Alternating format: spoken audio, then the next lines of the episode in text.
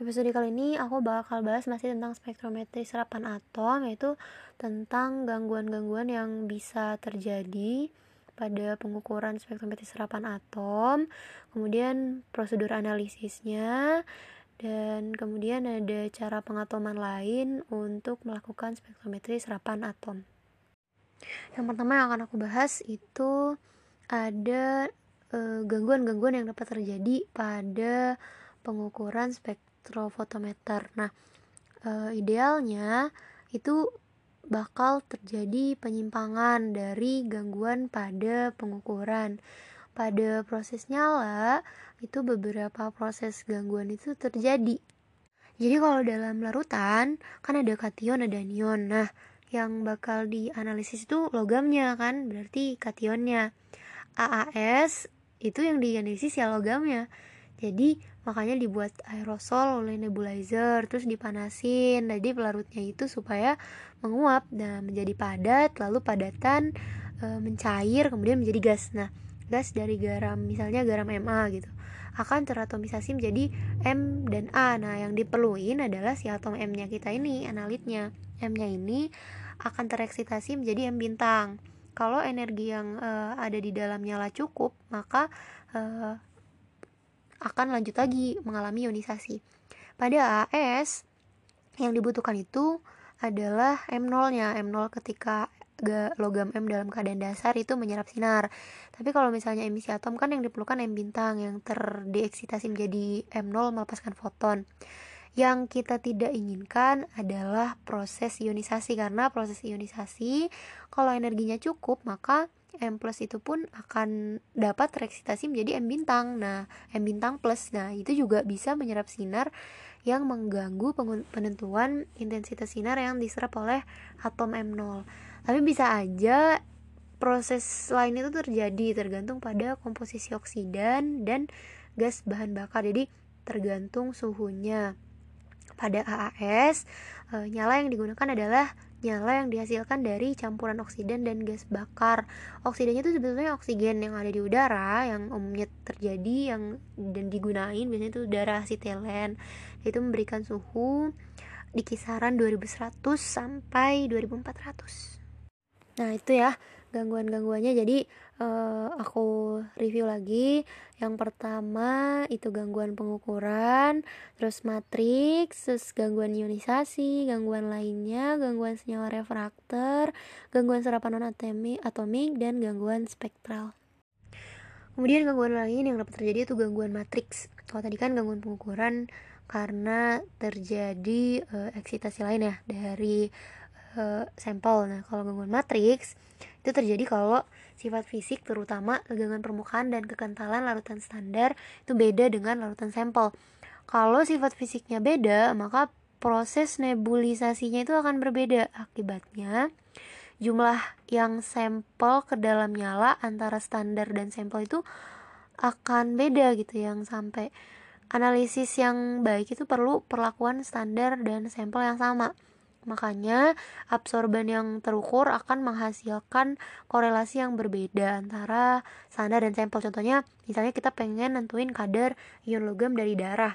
Nah, kekentalan dari darah itu kan beda dengan kekentalan larutan standar yang e, dilarutkannya itu hanya dalam air. Nah, kemudian ada gangguan lainnya e, dapat terjadi ya beberapa jenis gangguannya selain M0 bisa jadi M bintang dan M plus dia juga bisa membentuk oksida. Nah itu jadi bisa bereaksi lagi dengan anion lain membentuk MY nah jadi uh, nah itu untuk MY itu bisa disebut juga senyawa refraktor.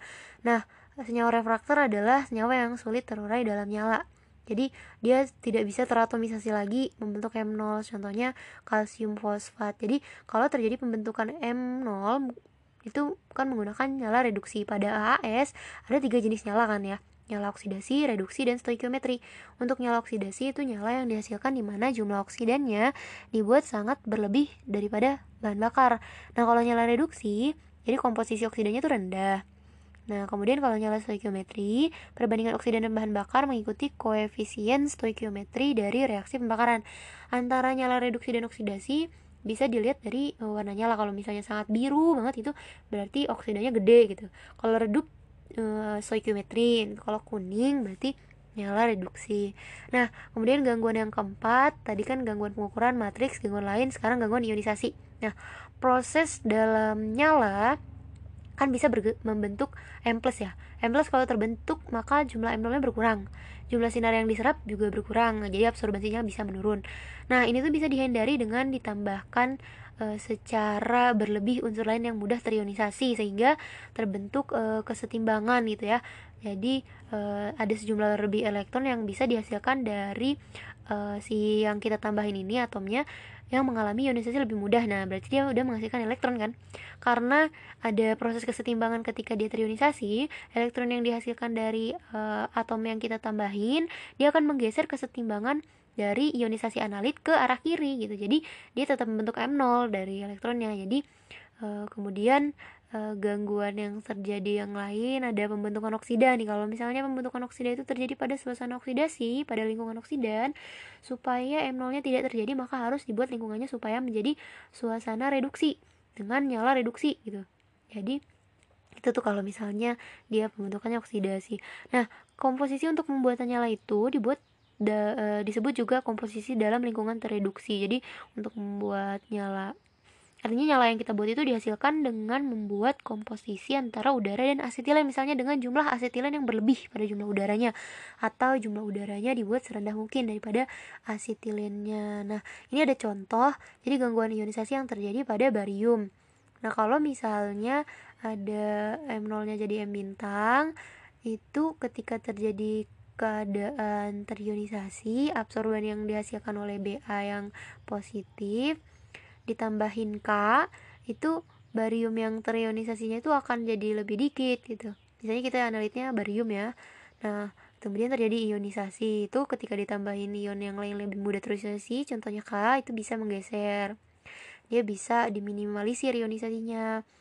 Nah kalau misalnya kita lihat ya kita tinggal baik enggaknya proses analisis hasilnya itu dilihat juga dari uh, proses yang terjadi di nyala. Nah, makanya gangguan-gangguan ini ditinjau. Kemudian gangguan lain ada gangguan senyawa refraktor yang tadi aku bilang senyawa refraktor itu senyawa yang gak mudah terurai dalam nyala jadi analit yang seharusnya membentuk atom netral dalam bentuk gas pada kasus ini tuh dia bereaksi dengan spesies lain membentuk senyawa yang tidak mudah terdisosiasi dalam nyala gitu jadi butuh perlu suhu yang lebih tinggi dibandingkan uh, suhu yang digunain gitu. Salah satu caranya hmm, menanggulangi si senyawa refraktor ini menggunakan suhu nyala yang lebih tinggi makanya jadi supaya dia bisa terurai. Yang seharusnya tidak terdisosiasi karena menggunakan suhu nyala yang tinggi atau sangat tinggi jadinya bisa terdisosiasi karena suhunya dinaikkan. Nah cara yang lain ditambahkan masking agent atau releasing agent di ada plot misalnya contohnya ya misalnya kita mau menganalisis Ca gitu kan e, eh, Ca yang berkaitan dengan anion PO4 3 min gitu jadi Ca2P4 nah kalau di ada ion fosfatnya konsentrasi yang didapatkan itu bakal menurun. Jadi konsentrasi fosfat konsentrasi Ca itu bakal menurun karena ada fosfatnya dan konsentrasi Ca yang diperoleh tetap stabil tapi kalau misalnya yang dianalisis itu e, lantanum dengan konsentrasi tinggi, nah konsentrasi Ca yang diperoleh itu akan tetap stabil dan tidak dipengaruhi oleh fosfat e, walaupun konsentrasi fosfatnya itu ditingkatkan. Kenapa? Karena e, dengan menambahkan masking agent nanti PO4-nya itu akan bereaksi dengan si lantanum. Jadi Ca2 plusnya itu bisa dilepas dari pengganggu. Nah, cara lainnya kalau La itu kan releasing agent. Ion lantanum yang bereaksi lebih reaktif dibandingkan Ca meng, e, bersama ion fosfatnya gitu.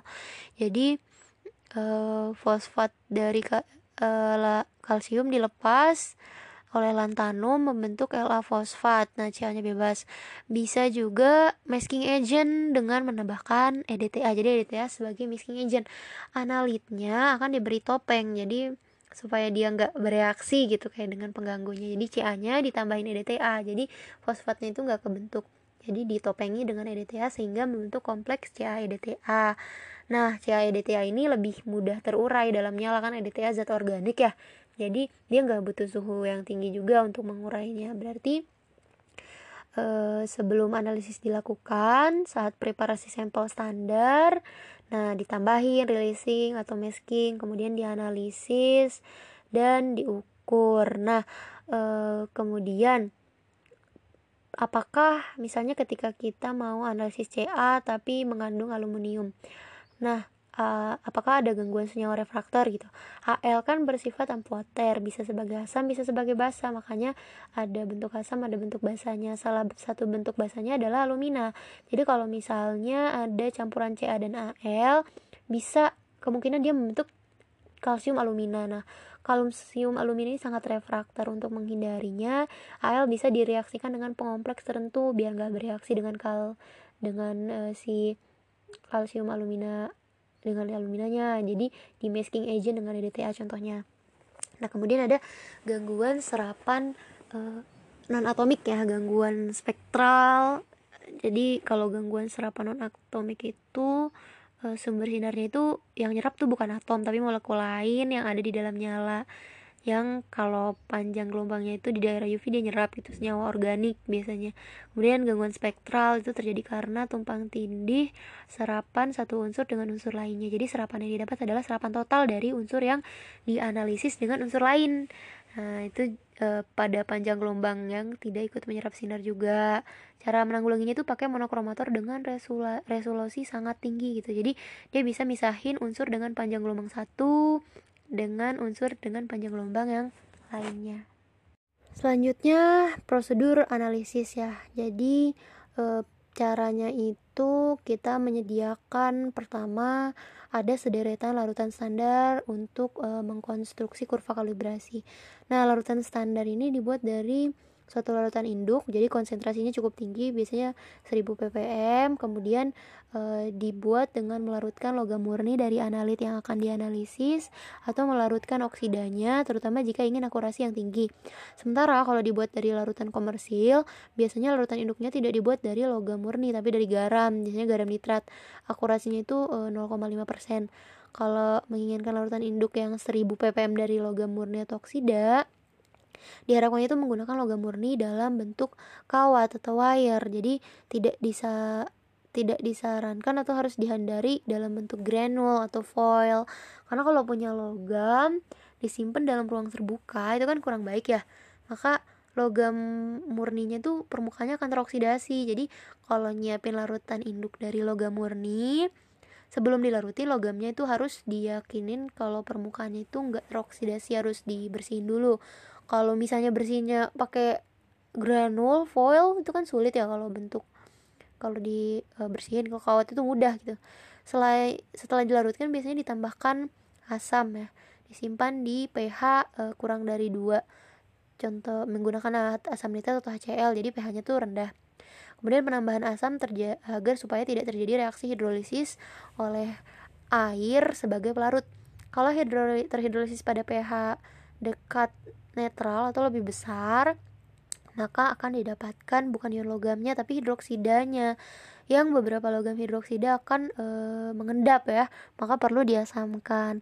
Kemudian setelah disiapkan dia disimpan. Dia penyimpanan yang 1000 ppm biasanya bertahan beberapa bulan apalagi kalau misalnya disimpan dalam pendingin. Kalau wadahnya bener ya di penyimpanan yang disarankan itu menggunakan plastik polipropilen, polietilen atau teflon jangan disimpan di botol kaca labu takar kemudian dimasukin ke pendingin karena kalau disimpan di labu takar larutan jadi rusak. Jadi labu takarnya juga akan rusak jadi mengerut. Pada saat dibawa ke suhu ruang e, belum tentu bisa ngembang lagi gitu.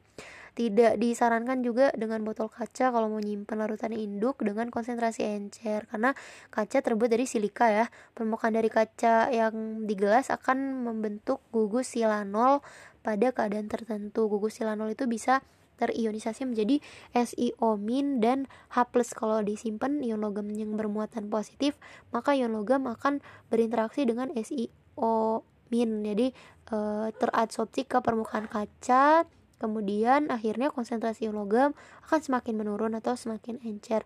Nah larutan induk yang 1000 ppm tadi bisa digunakan untuk dijadikan deretan larutan standar untuk keperluan analisa kuantitatifnya. Nah, ini ada beberapa metode uh, untuk uh, analisa kuantitatif dari spektrometri serapan atom.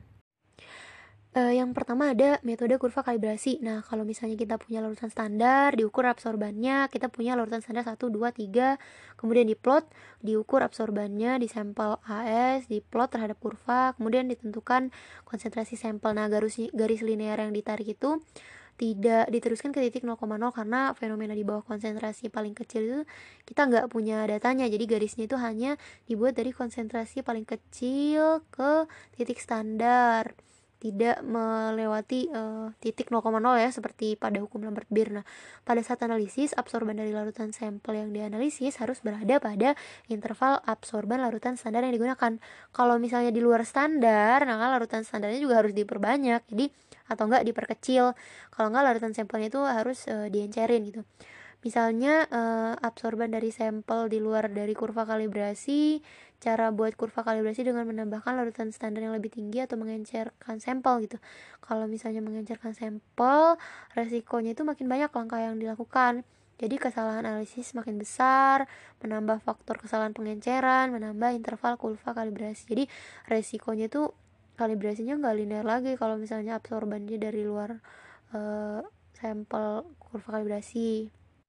Kemudian ada metode presisi tinggi. Nah, biasa dilakukan kalau tadi kan ada beberapa larutan standar. Metode ini cukup pakai dua larutan standar, tapi kedua larutan standar itu punya absorban 0,4 sampai 0,6 dan konsentrasinya itu benar-benar e, mengapit sangat dekat dengan konsentrasi sampel, tapi e, belum tahu tuh kan konsentrasi sampelnya sehingga kedua larutan standar ini susah untuk ditentukan. Makanya metode ini biasa digunakan untuk analisa rutin suatu sampel secara berulang, misalnya di industri. Analisisnya rutin kan matriksnya dikenal uh, udah tahu ini matriksnya gitu. Jadi bisa memperkirakan konsentrasinya dari berapa ke berapa. Maka untuk mengambil presisi tinggi cukup ambil dua larutan standar akan diperoleh presisi yang sangat baik antara 0,1 sampai 0,2 persen Kemudian yang ketiga, metode penambahan standar tunggal. Nah, sampel e, di metode ini diukur kan absorbansinya. Kemudian ditambahkan sejumlah larutan e, standar yang konsentrasinya diketahui dengan volume tertentu. Kemudian diukur lagi absorbansinya. Nah, dengan demikian konsentrasi larutan sampel bisa dihitung dengan e, mengkompensasi atau memperbaiki e, metrik sampel yang sangat kompleks di mana sifat-sifat larutan sampel atau komposisi larutan kan sangat beda ya dengan larutan standar. Nah, ini juga sebenarnya bisa terdapat gangguan matriks ya. Jadi kalau uh, dibuat rumus. Jadi misalnya ditambahkan Vs mililiter standar dengan konsentrasi CS ke dalam Vx mililiter sampel. Maka konsentrasi Cx dapat dihitung jika absorban sampel Ax dan absorban sampel setelah ditambahkan itu As plus X. Jadi Cx atau C standar eh, C stand sampel sama dengan Cx sama dengan C X sama dengan AX CS VS per AS plus X min AX kali CS VS nah kemudian ada metode penambahan standar ganda yang keempat. Jadi ini digunakan kalau terdapat ada gangguan matriks yang sangat kompleks. Jadi penambahan ini tuh lebih baik daripada yang tunggal gitu. Kalau ganda lebih baik daripada tunggal. Kalau ada satu sampel ditambahkan larutan standar. Masing-masing larutan sampel ditambah larutan standar dengan konsentrasi yang beda. Nah jadi ada berbagai uh, konsentrasi yang berbeda-beda dari sampel. Terus sederetan larutan sampel yang udah ditambah standar, volume yang sama, kita bisa ukur absorbansinya.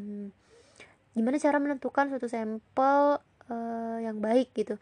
Perlu dicatat gitu kalau pakai kurva kalibrasi biasa cukup satu kalibrasi satu kurva itu bisa digunain buat beberapa sampel lain tapi kalau pakai penambahan standar ganda misalnya punya 10 sampel berarti harus buat 10 kurva kalibrasi untuk masing-masing sampel gitu jadi kayak ada pekerjaan lagi kan jadi kita harus tahu sampelnya benar-benar e, dianalisis dengan penambahan metode standar ganda. Caranya bikin kurva kalibrasi standar dalam air kalibrasi biasa merah. Kemudian e, buat kurva metode penambahan ganda kuning.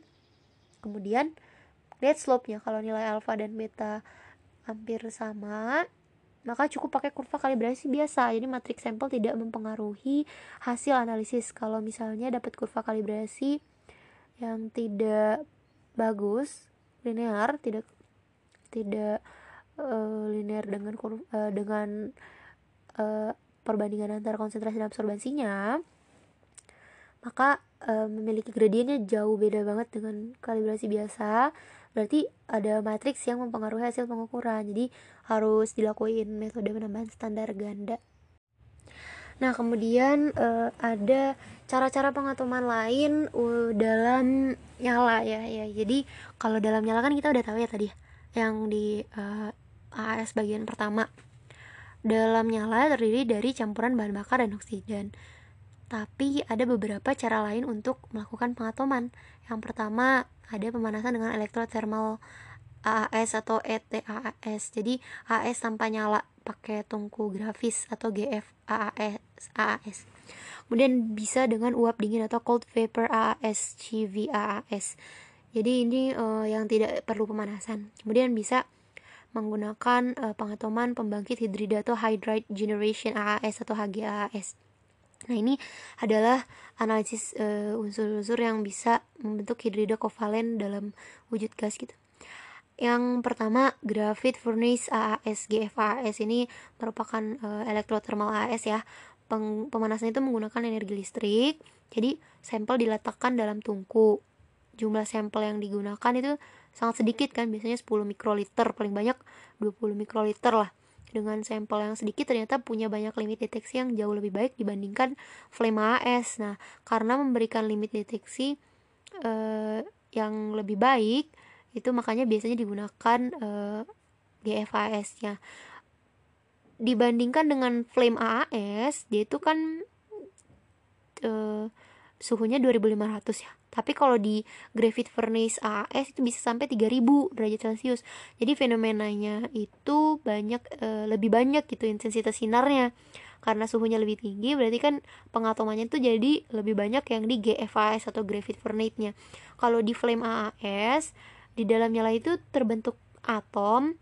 Tapi atom-atom tadi itu e, singkat aja gitu karena ada juga nyala api yang bisa e, secepat melewati sinar yang diemisikan dari sumber sinar. Jadi hanya numpang lewat aja dengan cepat walaupun populasinya cukup banyak tapi dia berada di jalan sinar yang cepat gitu karena akan segera bergerak ke atas meninggalkan nyala.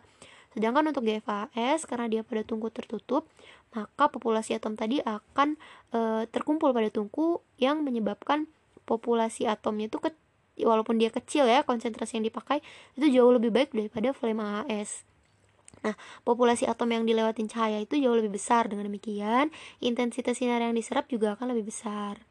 Pada e, temperatur pemanasannya itu cukup merata ya, karena di dalam pemanasan itu ada tabung. Nah, zona pemanasan sampel itu hanya di tengah. Jadi, ya kita cuma perlu temperatur yang di tengah yang konstan dan apakah temperatur di sampel selalu sama? Orang itu biasanya lebih suka platform yang uh, lurus. Jadi sampel tidak langsung bersentuhan dengan dinding dari tungku. Biasanya suhu dalam tungku itu bisa sangat dikontrol untuk melakukan analisis. Harus dilakukan pengukuran temperatur dari tungku. Jadi pada saat memasukkan sampel tungkunya harus dingin. Nah kemudian kita bisa mengatur pemanasannya. Nah ada urutan Eh, tahap-tahap uh, untuk mengalami pengatoman itu ada desolvasi pada 100 sampai 200 derajat, kemudian 900 sampai 1000 derajat Celcius itu adalah pengabuan, kemudian 2500 sampai 3000 adalah atomisasi. Jadi selanjutnya uh, pada suhu yang sangat tinggi, pengukuran pada saat absorban itu kan terjadi pada saat uh, suhu tinggi itu ya, pengatoman itu. Nanti di kalau misalnya ada oksigennya itu bisa terbentuk CO2 gas. Nah, makanya kalau misalnya pada pemanasannya itu dialirin gas argon supaya e, tidak terjadi kerusakan tungku ya karena tungkunya itu kan dari grafit ya, grafit furnace. Jadi biar dia nggak bentuk CO2, dia nggak habis gitu. Jadi dimasukin argon supaya dia e, inert di dalamnya gitu. Suhunya itu supaya tidak ada oksigen juga e, agar uh, gas-gas yang udara biasanya itu yang ada oksigennya bisa terusir dari karena aliran argon sehingga absorbensinya dapat diukur. Kemudian ada metode uap dingin. Jadi metode uap dingin uh, hanya untuk menganalisis merkuri aja. Jadi khusus gitu untuk merkuri aja kalau graphite furnace AS tadi bisa banyak ya.